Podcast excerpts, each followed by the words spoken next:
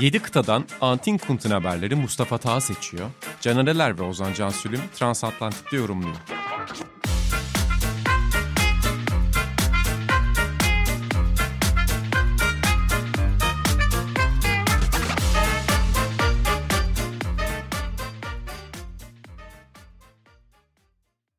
Sokrates Podcast'a hoş geldiniz değerli dinleyenler. Castrolog'in sunduğu Transatlantik'te hatırlayacağınız gibi Euroleague playofflarını konuşmuştuk. Euroleague sezonunu geride bıraktık ve Final Four'u tabii biraz da Final Four'dan sekip playoff'ta neler olduğunu bugün yine Canereler ve Mustafa Taha ile konuşacağız. Hoş geldiniz. Hoş bulduk. Hoş bulduk. Bir sezonu daha devirdik diyebiliyor muyuz? Bunu herhalde sana sormam lazım Canereler. Çünkü sen yani hani başından sonuna kadar en yoğun olduğun dönemlerden birini geçirdin. Evet yani Kaunas'a gitme şansımız da oldu maalesef. Bir Türk takımı gidememesine rağmen. Eskiden çünkü yayıncılıkta Türk takımı gidemiyorsa pek gidilmezdi. O yüzden buradan çalıştığım kanal Esport'a ve yönetimine yağcılık olsun diye söylüyorum. Gerçekten teşekkür ediyorum. Yok ya bayağı büyük bir şey bence hakikaten. Bir de şeyi hatırlarım işte ben ilk Euroleague yorumlamaya hani bir televizyon kanalında 2008'de başladım. O zaman Lig TV'di işte. Taha hatırlar.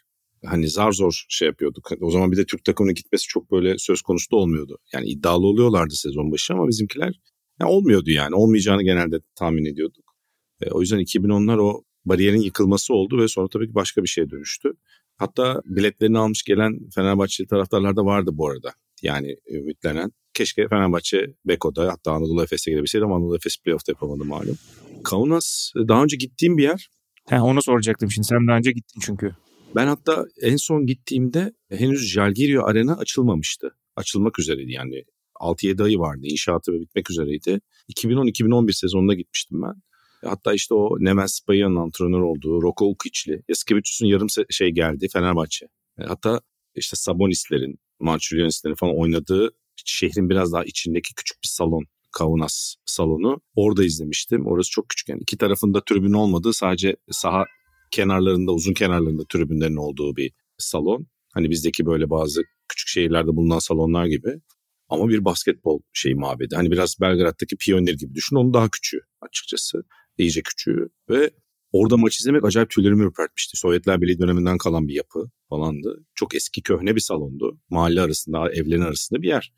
Highbury gibi düşünün aslında. Eski Highbury hali ya da işte ne bileyim Fulham stadının gibi düşünün. Onun gibi bir yapı aslında. Onun basketbol versiyonu. Çok etkilenmiştim. Böyle hani ya burada kimler oynamış zamanında 60'lar 70'ler falan diye. Ondan sonra Fenerbahçe mağlup olmuştu orada. Şimdi ondan kaç yıl sonra işte 12 yıl sonra Final Four'a gelmek acayipti. Tabii yeni bir salonda Jagiri Arena. Avrupa'daki bence en iyi salonlardan biri. Çok iyi bir salon. Peki şeyi soracağım. Benim merak ettiğim nokta oydu. Böyle mesela hani örnek de verdin. İşte Pioneer'den Combank Arena eski adıyla hani ilk yapıldığında hmm. Combank Arena'ydı. Oraya geçiş böyle biraz şey gelmişti bana. Ya biri çok samimi, müthiş ortam, işte tam Balkanları yansıtan işte güzel maç ortamı.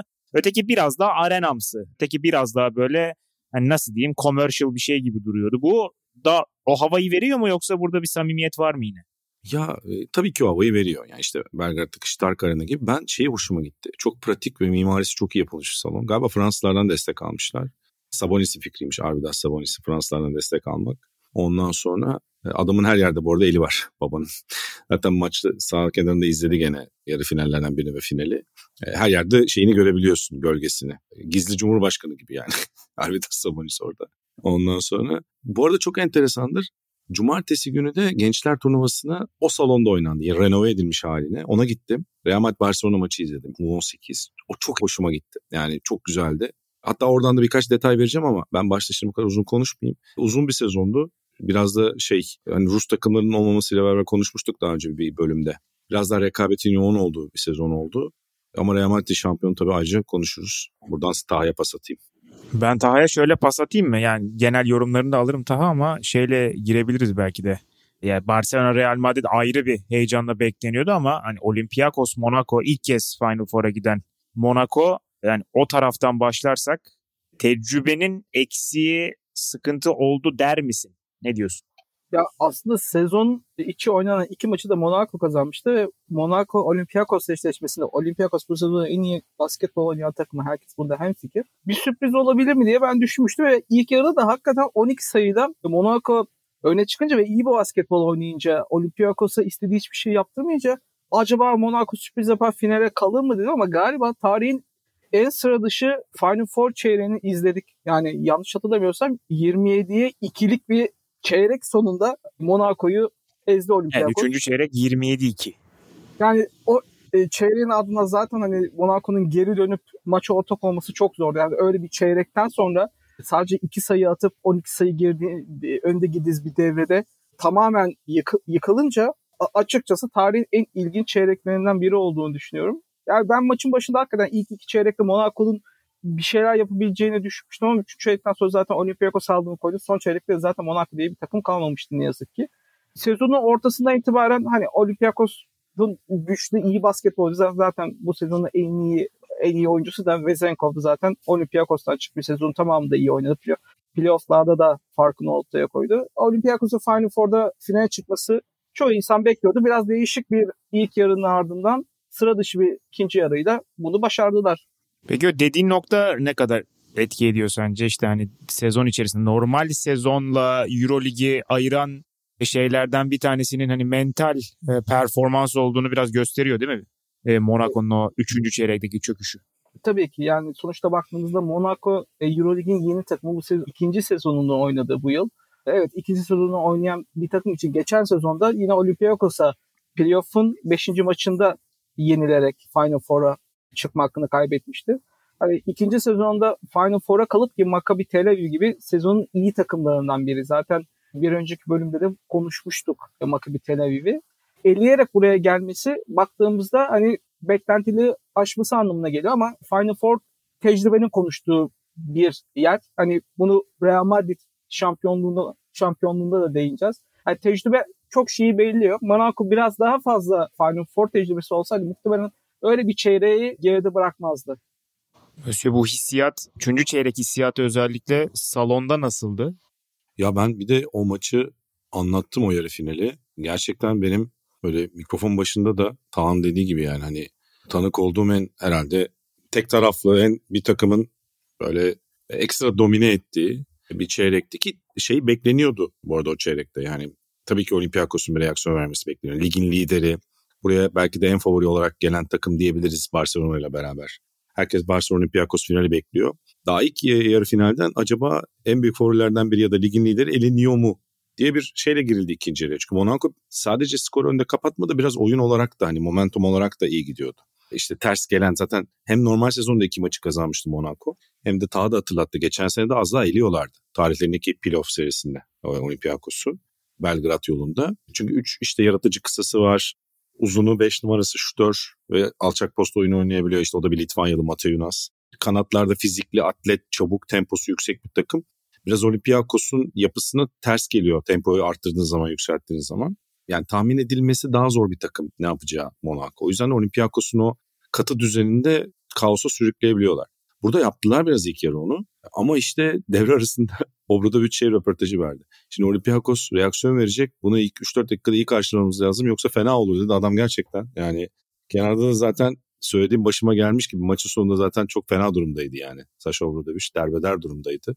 Mola aldı olmadı işte 5 değiştirdi falan olmadı yani o işte bazen basketbolda öyledir bir girdap bir momentum oluşur seni alıp yutar yani orası. Diğer takımı da zirveye çıkarır. Orada en enteresan performans Thomas Volkap'ın yılın savunmacısı ödülünde Tavares'le çekiştiler. Tavares aldı. Bir kısayı savunmacı seçmek zordur çünkü ölçmek zor. Yani ta, şimdi Tavares'in yani bir uzunun bloktu başka şeylerdi. Savunma ribandı daha çok ölçebiliyorsun. NBA'de de bu hep böyle olmuştur. Kısalar daha zor yılın savunmacısı seçilir. Dwight Howard mesela yıllarca domine etmişti yani bu ödülü bu şekilde. Orada Volkap 3. çeyrekte inanılmaz bir savunma yaptı. Sayı atmadı. Neredeyse şut denemedi yanlış hatırlamıyorsam. Bir şut denedi ve o çeyrek 7 asist yaptı. Yani normalde de çok enteresan bir ironidir. Oynadığı o salonda Kaunas'tı aslında bir oyun kurucuya dönüştü. Ondan önce oyun kurucu özelliği olan bir oyuncu değildi tam Volkan. Daha iki numara bir buçuk gibiydi. Sarunas Yaskevicius onu biraz oyun kurucu gibi oynatıp bir numaraya dönüştürdü ve o salonda 7 asist yaptığı bir çeyrek oynadı. O da bence tarihsel olarak benim sevdiğim bağlantılardan bir tanesi World Cup'ın performansı. Ve böylece bir tek taraflı bir çeyrekle zaten son çeyrek artık maçı kazanmıştı yani Olympiakos. Ama zaten yılın en iyi savunma takımlarından biriydi. Çok şaşırmadım ama skor çok fantastikti. Yani o savunmayı yapmalarını bekliyordum. Ama işte Monaco dediği gibi ben Taha'ya katılıyorum. Bu tip yerlerde tecrübe çok önemli oluyor. Yani siz o girdabın içine girdiğinizde sizi ipleri eline alan özellikle de bir oyun kurucunuz varsa Final Four'da çok fark ediyor ki zaten şampiyonda bu ne kadar fazla olduğunu gördük Real Madrid hikayesinde bunu.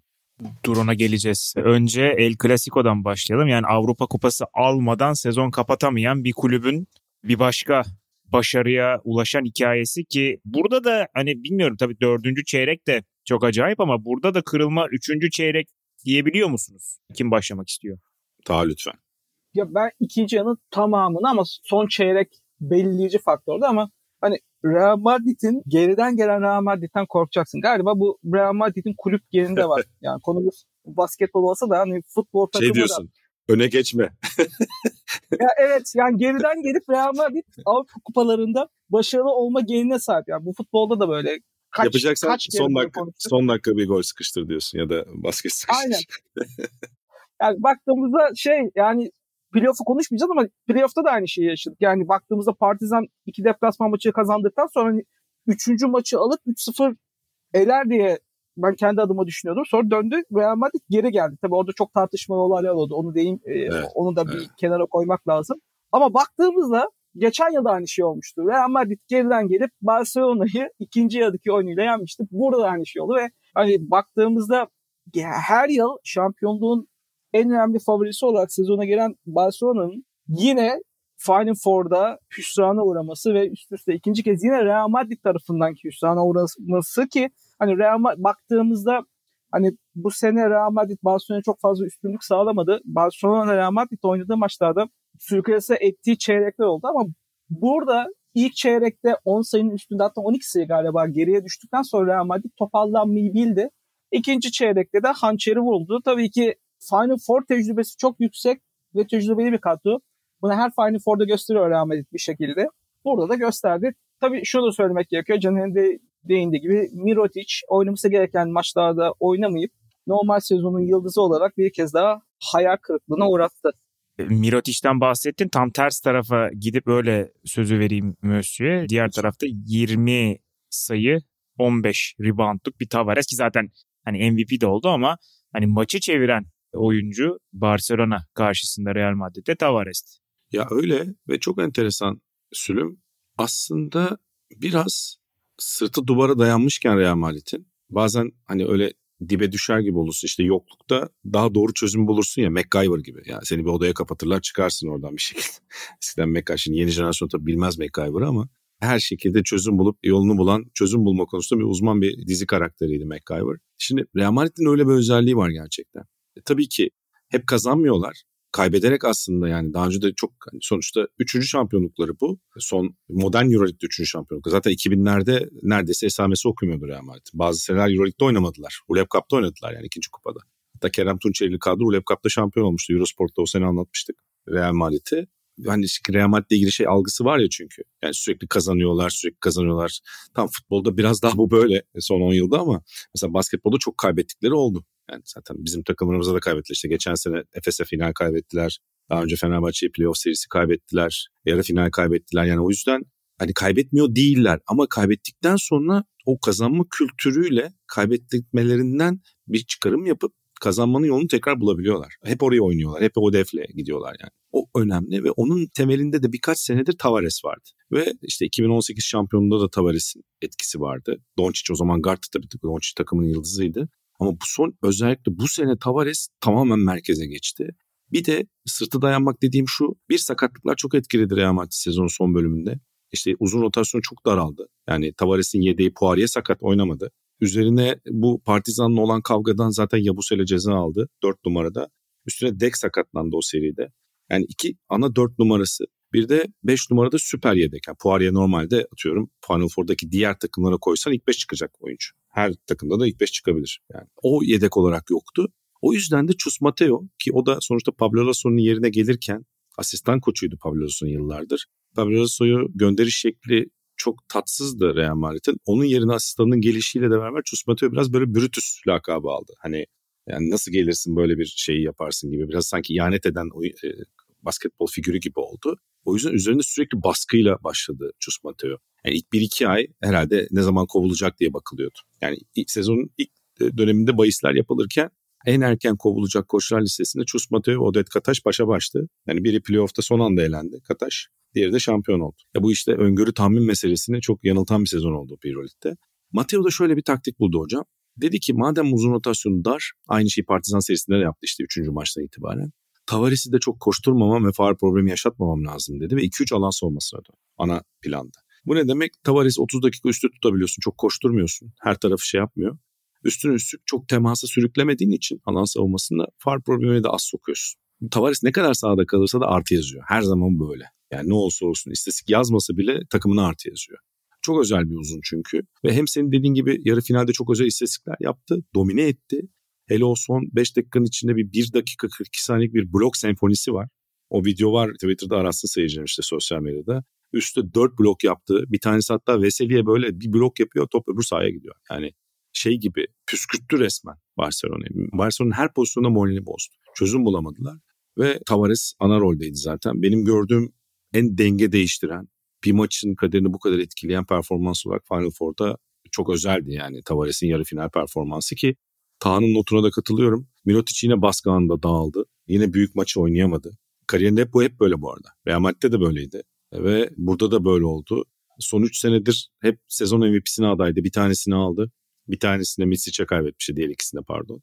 Ve bu senede yine sezonu çok iyi geçti. Sezon MVP'si alamadı belki ama yine büyük maçta ya sıfır şeyle bitirir mi bir şey? Yılda 5 milyon dolar alan oyuncu. İnanılmaz bir şey. Ben hayatımda böyle bir şey çok yani tanık olmadım açıkçası. Resmen eridi, tükendi. Yok etti Real Madrid Mirotic.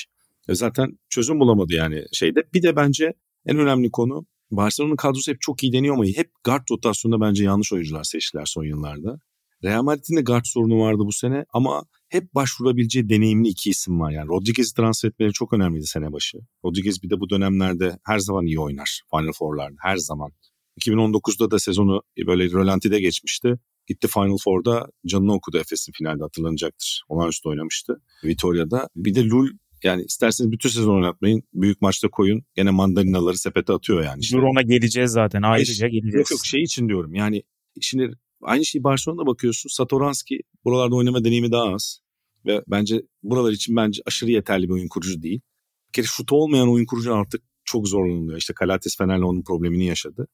Corey olmaması Barcelona'yı çok etkiledi. Yani yaratıcı, çembere gidebilen, şutu olan bir topa yön verici yokluğu, ipleri eline alan bir deneyim yokluğu, öbür tarafta da ipleri eline alan deneyim çokluğu Yani. Ya birebir aslında şeyden bahsetmiyor muyuz ya? Yani Real Madrid'in futbol takımına çok yakın şeyler de söylemiyor muyuz şu anda? Doğru. Kesinlikle abi aynen. Çok doğru. Aynen. Yani kritik anda Yul'un çıkmasıyla Modric'in çıkması arasında hiçbir fark yok. Hiçbir fark oraları yok. oynamış oyuncu yani tırnak içinde oraları oynamak tabiri yine burada da var. Bir şey söyleyeceğim. Ta özür dilerim araya gireceğim ama hoşuna gidecek diye düşünüyorum Taha'nın da bu not. Bu kazanma kültürü bence böyle lafta kalan bir şey değil. Bunu şeyde gördüm. İşte cumartesi şeye gittim. Barcelona Real Madrid U18 maçına. Real Madrid altyapıda da bu arada yine Sloven bir yıldız yetiştiriyor. Yanvide diye bir çocuk. UCLA'ya gidiyor bu sene zaten. Muhtemelen ileride NBA'de izleyeceğiz Doncic gibi. Acayip bir yetenek yani. İşte Senegalliler var. Gene inanılmaz scouting yapmışlar tamam mı? Muazzam bir takım Real Madrid. Barcelona da fena takım değil. Onların da gardı Litvanyalıydı mesela U18'de. Artık altyapılarda da uluslararası çalışıyor e, İspanyollar çok ağırlıkla. Zaten Afrikalı oyuncuların devşirmesi çok fazlaca var göçmen nüfustan. Velhasıl abi tribünde ben bir tarafta oturuyorum. Yanımda iki yanımda Felipe Reyes oturuyordu. Onun altında Alberto Herreros, onun altında Angulo. Diğer tarafta Real Madrid basketbol takımının şubesinin başkanı Jose Maria Sanchez, şey Canan Musa, Ndiaye, Abalde, Carlos Alosen, A takım oyuncuları, bütün asistan koçlar hepsi oradaydı. Yani 20-25 kişi o maçı izliyorlar abi. O acayip bir bence kulüp kültürü. Barcelona'da kimse yoktu. Yani diğer tarafta sadece Navarro izliyordu. Navarro da şey takımın yöneticisi. Yani Barcelona'nın basketbol takımının kap şeyi, başkanı gibi düşün yani GM'i. Ya bu bence o kazanma kültürünün yöneticilerin birliktelik yaratmasını falan çok fark ettiriyor. Hani Barcelona'da yıllardır konuşulan hani futbol tarafında da bir yönetici krizi hep konuşulur ya. İşte Messi şununla sorun yaşadı bilmem ne. Bu ekonomik krizde de çok konuşulur. Ya bunu Real Madrid tarafında bakıyorsun. Abi bu yönetim kültüründen geliyor bence. Çok net yani onu görüyorsun. Kulüpte o kültür başka türlü yaratılmış. O herkese sirayet ediyor bütün şubelere. O, o, onu, onu orada görmek çok etkileyiciydi bence. Ben finale geçmeden bir ekleme yapayım. Bence Mateo'nun takdir edilecek bir diğer noktası da takımı Final Four'a taşımasına rağmen ligde de 3. sırada zaten her şey playoff'ta belli oluyor. Devamlı olarak onun yerine gelecek sezon kimin geleceği konuşuldu. Hatta Sergio Scarola'yı Madrid'e davet edildiği gelecek sezon anlaşıldığı bile Final Four öncesinde Madrid basınında çıktı ve ona rağmen hani baktığımızda da rookie bir koç olmasına rağmen bunlardan etkilenmedi ve takımı çok iyi yönetti. Yani bence bunu da belirtmemiz gerekiyor. Takdir etmemiz gerekiyor. Kesinlikle. Zaten Tavares'in maç sonu söyledikleri çok etkileyiciydi ta. Zaten onun söylediklerinden sonra hani gelecek sezon için başka bir antrenör tercihinde bulunmaları imkansız gibi yani Tavares'in konuştuklarından sonra. Adamda nasıl bir duygusal dolum yaşanmış ki gözyaşını tutamadı basın toplantısında Tavares öyle konuşurken Mateo. Buradan daha dedi finale geçmeden önce. Finale geçmeden önce bir de hani üçüncülük maçına bilmiyorum değinmek ister misiniz ki yani Yok ilk kez bence oynan, Four'a- oynanmaması gerekiyor hocam söyleyeyim. Ya işte ben, ben, ben de onu diyecektim. Yani ha, şu açıdan güzel bir şey belki. E, Monaco sonuçta hani ilk üçe girmek bir şeydir ya. İlk Final Four'unda bir üçüncülük aldı ama o üçüncülük neye yarar? Ya da işte mesela Barcelona yine hani büyük takımlar genellikle Final Four'lara böyle şampiyonluk amacıyla gelip üçüncülük maçına kaldıklarında zaten hani ölüyorlar. Ölü bir maç oluyor. Monaco kazandı onu. Bilmiyorum bir şey eklemek istiyorsanız buyurun ama finale geçebiliriz. Yok ben her türlü açıkçası salonlarını çok seviyorum. Zaten şehir biraz zenginler için e, güzel bir şehir olsa da şehrin kendisi de çok güzel. O yüzden Monaco'yu açıkça seviyorum. Yani normalde ben Fransız takımını çok tutmam. Herhalde tuttuğum takım 93'lü hoştur. Bir de Delaney adlı as vardı. Onun dışında Fransız'a karşı çok sempatim yoktu ama bu Monaco sempati duyulacak kadar iyi oyna, oynadan bir takım. Bir de bir şey söyleyeceğim. Futbolda, basketbolda, voleybolda bence hiçbir turnuvada üçüncülük maçı oynanmamalı. Yani finalde oynamayı kaybetmiş takımları gidip tekrar 2-3 gün sonra oynatmak hakikaten hem futbolcuda Ha, hem evet. bence taraftarlar büyük eziyet. Ya kulüplerde oynanmasın. Uluslararası şeylerde genellikle hani ne diyeyim üçüncü olan bir şeye kalifiye falan oluyor. Hadi onu anlarım da yani bunun hakikaten bir amacı yok. Hiç gerek yok. Ya zaten çocuk maçında biraz işte senin dediğin gibi Monaco motivi oldu. O da ya buraya gelmişken üçüncülük ünvanını alalım galibiyetle gidelim. Hani tarihimizde ilk defa Final Four'dayız motivasyon. Hmm. Barcelona resmen yani oynamak istemedi. O kadar kötülerdi. Maç bitti hemen havalimanına gittiler. Barcelona'ya döndüler. Ya o kadar hani yok olmak istediler Kaunas'tan. Ya zaten hani yok olarak çıkmışlardı maça. Hiç kafa da orada değil. Aynen aynen abi aynen. Finale geçelim. Yani final Olympiakos Real Madrid. Yani bir taraf kesinlikle bekleniyordu. Diğer tarafta işte belki Barcelona olmasını bekliyordu herkes ama isim olarak da yine zaten Olympiakos Real Madrid yeteri kadar heyecan üretti. Yeteri kadar heyecanın üstüne bir de tarihi bir son üretti. Tarihi sona sonra geliriz ama özellikle hani bilmiyorum tabii direkt bu ikiliye verebilir miyiz sözü ama hani Vezenkov Tavares kapışmasından öte bir şey miydi yoksa hakikaten bu mu belirleyici oldu sizce?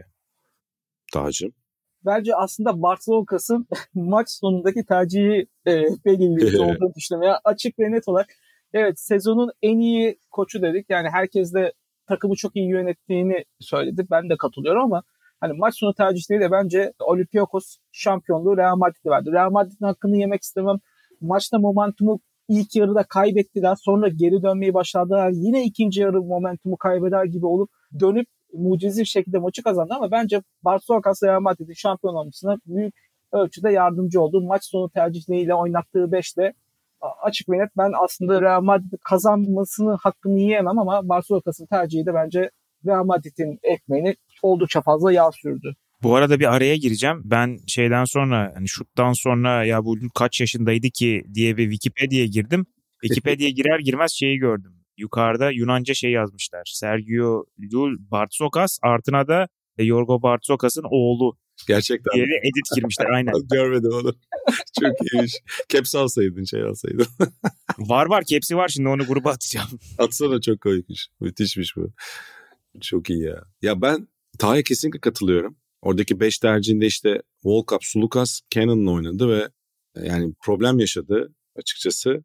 Mesela Papa Nikolaou'yu bir daha bir düşünebilirdi orada. Ama işte böyle oluyor zaten. Koçlar hani zaten Final Four'un olayı o. Yani sen normalde playoff serisi yapsan yani ligin birincisinin buralarda daha telafi şansı olacak. Telafin yok. Bir karar bir bütün şeyi değiştiriyor. Yani ya da bir olay çok net yani. Zaten hep aynı örneği veririm yıllardır. İsrail'de 27 yıl mı 26 yıl üst üste Maccabi Tel Aviv şampiyon olunca artık şey yaptılar. Final Four sistemi getirdiler. Yeter artık dediler. Hani bir sürpriz olsun. İlk yaptıkları sene Hapoel Jerusalem şampiyon oldu. İlk Final Four'da. Yani playoff serisinden çıkardılar finali. Final Four'un öyle bir özelliği var. Yani tek maç, yarı final tek maç, final tek maç. Bir de final için tekrar hazırlanma şansın da az oluyor. E, yani reaksiyon çünkü yarı final için takımlar etüt yapıyorlar. Her birebir inanılmaz rakip gözlemi, scoutu yapıyorlar. Ama işte final için iki takımdan birine odaklanamıyorsun. İki takıma da odaklanman lazım. Onun için tam zaman yok. Sezon içindeki doneler üzerinden gidiyorsun ya da yarı finaldeki. O yüzden oralarda koçun maç içindeki kararları çok kritik oluyor. Daha, daha hayati oluyor. İkincisi de son bir şey söyleyeceğim. Real Madrid buraya biraz tamam hep zirveye oynayan bir takım da yaşadıklarından sonra işte kavgaydı, problemlerde, sakatlıklarda biraz daha underdog geldi. Yani normalde sezon başı en büyük 3 bence şampiyon adayından biriydi. Hadi 4 diyeyim. Yani işte o yüzden hani normalde sezon başı halimiz olsa Real Madrid tam burada şampiyon olur derdin. Ama burada çok daha az kişi Real Madrid'e şans veriyordu. İşte sakatlıklar, problemler, yaşlı takım, yorgun takım, Chus Mateo'nun koç olarak hala güvenilmiyor oluşu falan derken. Ama işte bu bence onlarda bir avantaj yarattı. Beklentilerin daha düşük olması hiç panik yapmamalarını getirdi. E bir de Tanrı'nın dediği gibi deneyim de devreye girdi. Geriye ne zaman düşseler tam tersine daha derlenip toparlanıyorlar. Normalde işte 74-67 değil değil mi? Yanlış hatırlamıyorum ta. Yok doğru. Hani son 3 küsürdü işte ya da 2 küsürdü 74-67. Yani herkes Olympiakos tam alıyor ya dedi. Hatta işte 4. çeyreğin başında Vezenkov üçlük atamıyordu. 2 tane attı. Tamam dedik hani Vezenkov da atıyor. E, şey dış şutları da atmaya başladı. Adam zaten 29 sayı attı da. Yani çok momentum hep Olympiakos'taydı. Ama işte hiç panik yapmıyorlar. Çünkü kaybettiklerine kimse onlara bir şey demeyecek. Ama Olympiakos daha baskısı üzerinde işte. Geçen sene yarı finali kaybettiler. Geçen sene de iyilerdi. Bu sene lig lideri geldiler. Finaldeler, öndeler. Orada baskı choking dediğimiz şey daha fazla oluyor. Mesela Vezenkon bir tercihi çok kötüydü orada. Yani tam tersine işte kurt, yaşlı kurt Rodriguez tam gereken yerde devreye girdi. Olağanüstü bir üçlük attı tam o 74-67 iken. Yani işte o karar anlarında o panik yapmayan, deneyim, ipleri eline alan orkestra şefi bir gardın olduğu zaman El Chacho acayip bir şey çünkü yani. Müthiş bir deneyimdir El Chacho gerçekten. Bir oyun kurucu olarak çok olağanüstü özel bir isim ve sen yaşına baktım dedin ya. Yani işte e, Sülüm Hani sonuçta e, biri 85'li, biri 86'lı, biri 87'li. Rudy Fernandez, Şimdi, Rodriguez. Şimdi ondan bahsedecektim. Ya hatta şöyle e, araya girip bir şey söyleyeyim. Yani Real Madrid'e baktığında bench'ten 38 sayı gelmiş. Yani 3 kişiden 38 sayı. Kosor 35. Ha o da yaşlı evet. Yani Rodriguez 36. Yani Rudy Fernandez yine o da tabii 3 çok fazla katkı yapmadı ama 38. Ya yani bir de Zonya. Yani diğer tarafta Şakil McKissick'i çıkardığında sadece 8 sayı var bench'ten bir de. Evet abi. Şakil McKissick de zaten kritik isimdi gerçekten. Bak şey çok enteresan. Rodriguez'in normal sezon ortalamalarına bak emekli olması gerek dersin. Lula bak zaten bir sezon oynamadı neredeyse. Rudy Fernandez biraz oynadı biraz oynadı ama Eurobasket'te hani zaten kahramandı hani sezona kötü girmedi. Ama sakat girdi o da mesela sezona. E şey Kozor bütün sezon yattı. Yani bütün sezon yattı. Ama Kozor böyle bir şey zaten. Bu Demolition Man filmi gibi yani. Sezon boyunca yatar. İşte Singleton ve Kozor playoff'ta Final Four'da oynar diye bir espri vardır. Singleton bu sene oynayamadı maalesef de. Efes'te. O zaman Final Four'un geldiğini anlarsın diye bir espri var son yıllarda. Kozor bir kere çünkü Fenerbahçe'nin canını da çok yakmıştı Final Four'da.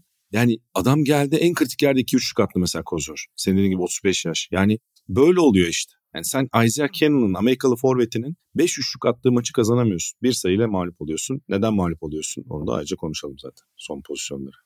Caner'in söylediklerini ben istatistiklerle örneklendireyim. Real Madrid'in maçta attığı son 18 sayının 16'sı Kozör, Rodriguez ve Sergio Llu'dan geldi. Zaten Sergio Llu'nun tek basketi. İnanılmaz bir şey o.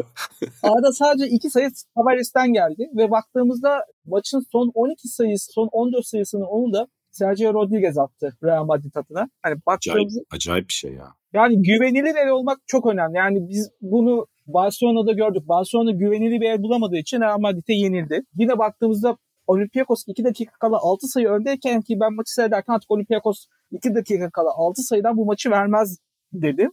Baktığımızda hani Real Madrid o kadar güvenilir şutu korkusuzca atabilecek oyuncular sahip ki onun rahatlığıyla maçı aldı. Yani baktığımızda hiç basket atmamış Sergio Llull o inanılmaz imkansız basketi atmaktan çekinmedi. Yani baktığımızda bunu hani NBA'de bile atabilecek çok fazla oyuncu yok. O basketi korkusuzca atabilecek.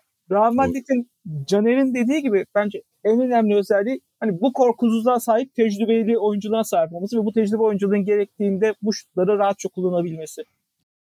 Aslında tam da burada Castrol Edge'le baskı altında gerçek performans konusunu açabiliriz. Çünkü yani böyle anlarda bu tecrübedeki oyunculardan katkı alabilmek size hani en kötü ihtimalle bir geri dönüş imkanı sağlıyor. Kupayı alamasanız bile bir geri dönüş imkanı sağlıyor. Sizi bir şekilde maçta tutuyorlar. E yani bu finalde de zaten hem yani Lur'un soktuğu şut hem de sen de söylediğin gibi işte iki tane e, çok kritik üçlük Sergio Rodriguez'in üçlükleri tam bunun örneği oldu. Ya net şey son çeyrek zaten baskı altında performans hikayesi ya. Net yani.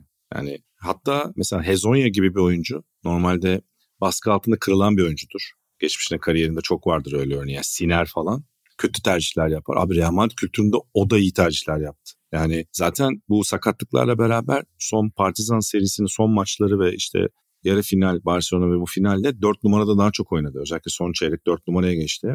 Zaten işte Partizan maçlarında, Partizan serisinde kritik maçlarda Real Madrid son çeyreği şöyle bitirdi işte son maçta. Rodriguez, Rul, Rudy Fernandez, Hezonya, Tavares. Yani 3 yaşlı kurt, dede. e, baskı altında normalde kırılan Hezonya 4 numaraya geçiyor. Stör, atlet 4 numara, kısa ama. Ve sezonun 5'ine giren Canan Musa oynamıyordu mesela. Oynamıyor yani. Normalde bu başka takımda başka yıldızların kabul edeceği bir şey değil. Yıldız egolarını idare etme anlamında da işte Real Madrid'de yıldız egoları daha idare edilebilir de oluyor. Tabii Chus Mateo'nun da yeteneği ama başka bir kulüpte olsa Chus Mateo da bunun içinden kalkamayabilirdi. O başka bir bence hare koyuyor tepeye. Kimse Real Madrid'den büyük değildir. Bu klişe ama gerçekten öyle oluyor bence bu arada. Yani ya bunu Cristiano Ronaldo'yu bence göndererek de gö- gösteriyorlar. Bunu böyle yaptılar sonuçta. Ne olursa olsun. Şey burada mesela Canan Musa ilk yılın ilk beşine giren oyuncu kritik dakikalarda son çeyreği bitirmiyor. Düşünsene.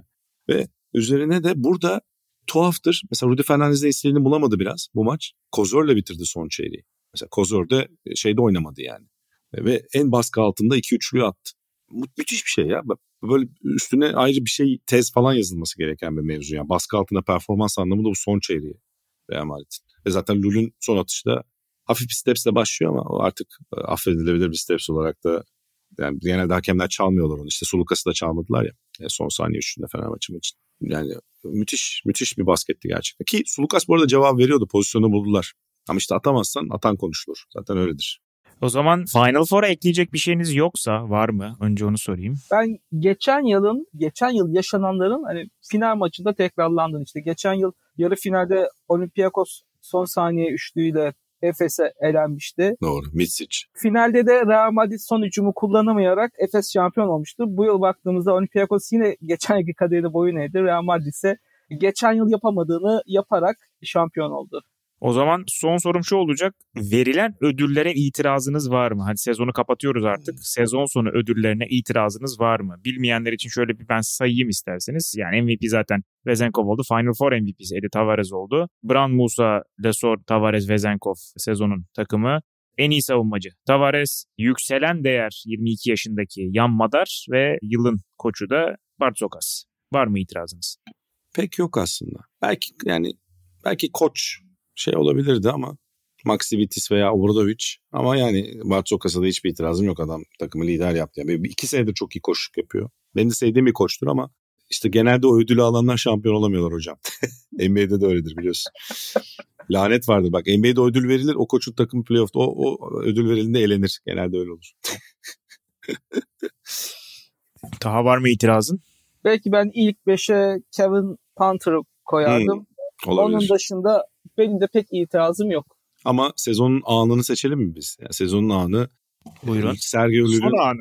Sergio Llull, Sergio Llull'ün her zaman kariyerinde vardır bu. Yani İspanyol oyuncuları üzerinden genel konuşulur ama ben o kadar genellemeyi sevmiyorum. Biraz bu Rudy Fernandez Llull üzerinden daha çok konuşurum. Mesela Sergio Rodriguez'de pek yoktur bu çünkü. Yani gidip o pis faulü çok yapmaz Rodriguez. Onun da vardır bazı. Ama bu yani trash talk, akıl oyunları her zaman vardır. İspanyollar bunu iyi yaparlar ama Llull'ün o faulü yapma ihtimali çok yüksek. Yani Lulü tanıyorsan yapar o faulü. Sen o tuzağa düştüğün anda, evet burada Lul suçlu ama işte o tuzağa düştüğün anda sezonun kaderini etkileyen hareketi yapmış oluyorsun. Sonrası zaten kaos, hengame ve bütün sezonun son bölümünün kaderi değişti yani net kavgayla. Bu arada bu söz konusu pozisyon Partizan Real Madrid ikinci Ha, evet. sonunda Evet. onu da belirtelim. Evet şampiyonu belirleyen bir pozisyon oldu. Yani belki Partizan 3-0'la seriyi bitirecekti. Gerçi 3. maç bence Partizan için büyük bir talihsizlik eseri. Belgrad'da yaşanan okul katliamının ertesi güne denmesi de bence hem salondaki herkesi hem oyuncuları çok duygusal olarak Tabii o da var. etkiledi ve maça da etkiledi bunu. Çünkü o maça o kadar iyi gelip arkasından o seyircinin desteğini bir türlü alamamak çünkü duygusal bir patlama yaşandı o gün. Doğru. Doğru. O da bence çok etkili oldu aslında. Baktığımızda evet basketbolla ya da sporla ilgili olmayan bir olay ama bence seriyi çok büyük etkiledi. Etkiledi etkiledi. Yani seyircinin bütün tutumunu etkiledi o gün. Bir de yani son maç 18 sayı öne geçiyorsun.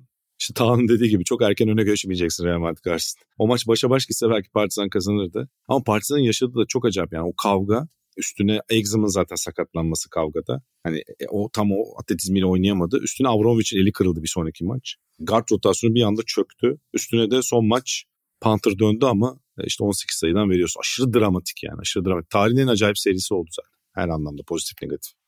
Diğer yandan hani pozitif tarafından bakacak olursak da Real Madrid'in şampiyonluk hikayesini çok daha acayipleştiriyor. E tabi tabi abi tabi.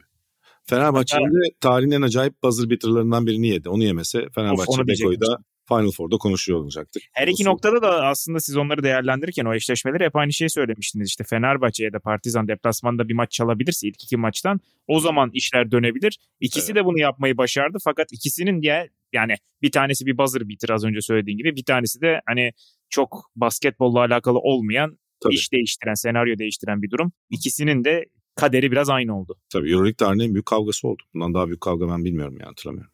Öbür tarafta da Sulukas'ın yani o da dramatik. Sulukas o üçlüyü attı burada atamadı şeyde final maçı. Yerdeki Doğru. fotoğrafı çok dramatikti. Doğru. Hocam basketbol böyle bir şey. Abi şey. basketbol bütün sezon oynanıp yine son topa kalan garip bir oyun yani. Bütün sezon 50 bin tane maç yapılıyor. Yine son saniyede atılan basketle şampiyon belli oluyor. Çok değişik bir şey hakikaten. Hakikaten öyle. Bunu dışarıdan bakan biri olarak söylüyorum bak net. Ya aslında futbolda da bazen oluyor ama işte daha nadir oluyor. Evet. Doğru. Yani işte Doğru. ne bileyim United şey finali gibi. Bayern Münih işte 99 mesela belki hani o şey çok. Ama işte basketbolda böyle çok fazla şey hikaye var ya. Hani son hücumda belirlenen şampiyon Tabii, muhabbeti tabii. çok fazla var ya. Tabii ki abi tabii çok çok fazla var. Bir de basketbolda bilmiyorum katılıyor musunuz? Hani güç dengesi maç içerisinde yaşadığınız momentuma göre değişebiliyor. Futbolda onu çok fazla göremiyoruz. Yani siz Doğru. kuvvetli bir takımsanız hani kuvvetinizi maç sonuna kadar götürüyoruz. Ancak ekstrem bir durum olduğunda hani zayıf olarak görülebilen rakip sizi yenebiliyor. Doğru. Mesela ben hep bu sene şeyi söyledim. Anadolu Efes sezonun içinde dalgalı gitti, dengesiz. Ama playoff yapsa bence şampiyonun en büyük adaylarından biri olacak. Çünkü oraları çok oynamayı biliyor abi işte o takımlar. Şey yakalayabilirdi. Son bir şey söyleyeceğim sadece. En büyük örneğini İstanbul'daki Final Four'da yaşadık yani 92. Djordjevic'in üçlü işte sürpriz o partizan takımın şampiyon olması, son bir basketle kazanması. Zaten basketbolun sihrini en güzel anlatan finallerden biri İstanbul'da olmuştu yani. Bundan kaç yıl önce işte 31 yıl önce. Onu da yad etmiş olalım hocam. Yaşlılığımızı yüzümüze vurmayalım Caner Bey. O zaman hızlı kapatalım. Ağzınıza sağlık. Sizin de. Yine bir başka Euroleague bölümünü zaten bu sezon bir daha Euroleague konuşmayacağız gelecek sezona kadar. Castrol Edge'in işbirliğinde sezonu kapatmış olduk. Transatlantik başka konularla tekrar karşınızda olacak. Yeniden görüşünceye dek şimdilik hoşçakalın. Hoşçakalın. Hoşçakalın.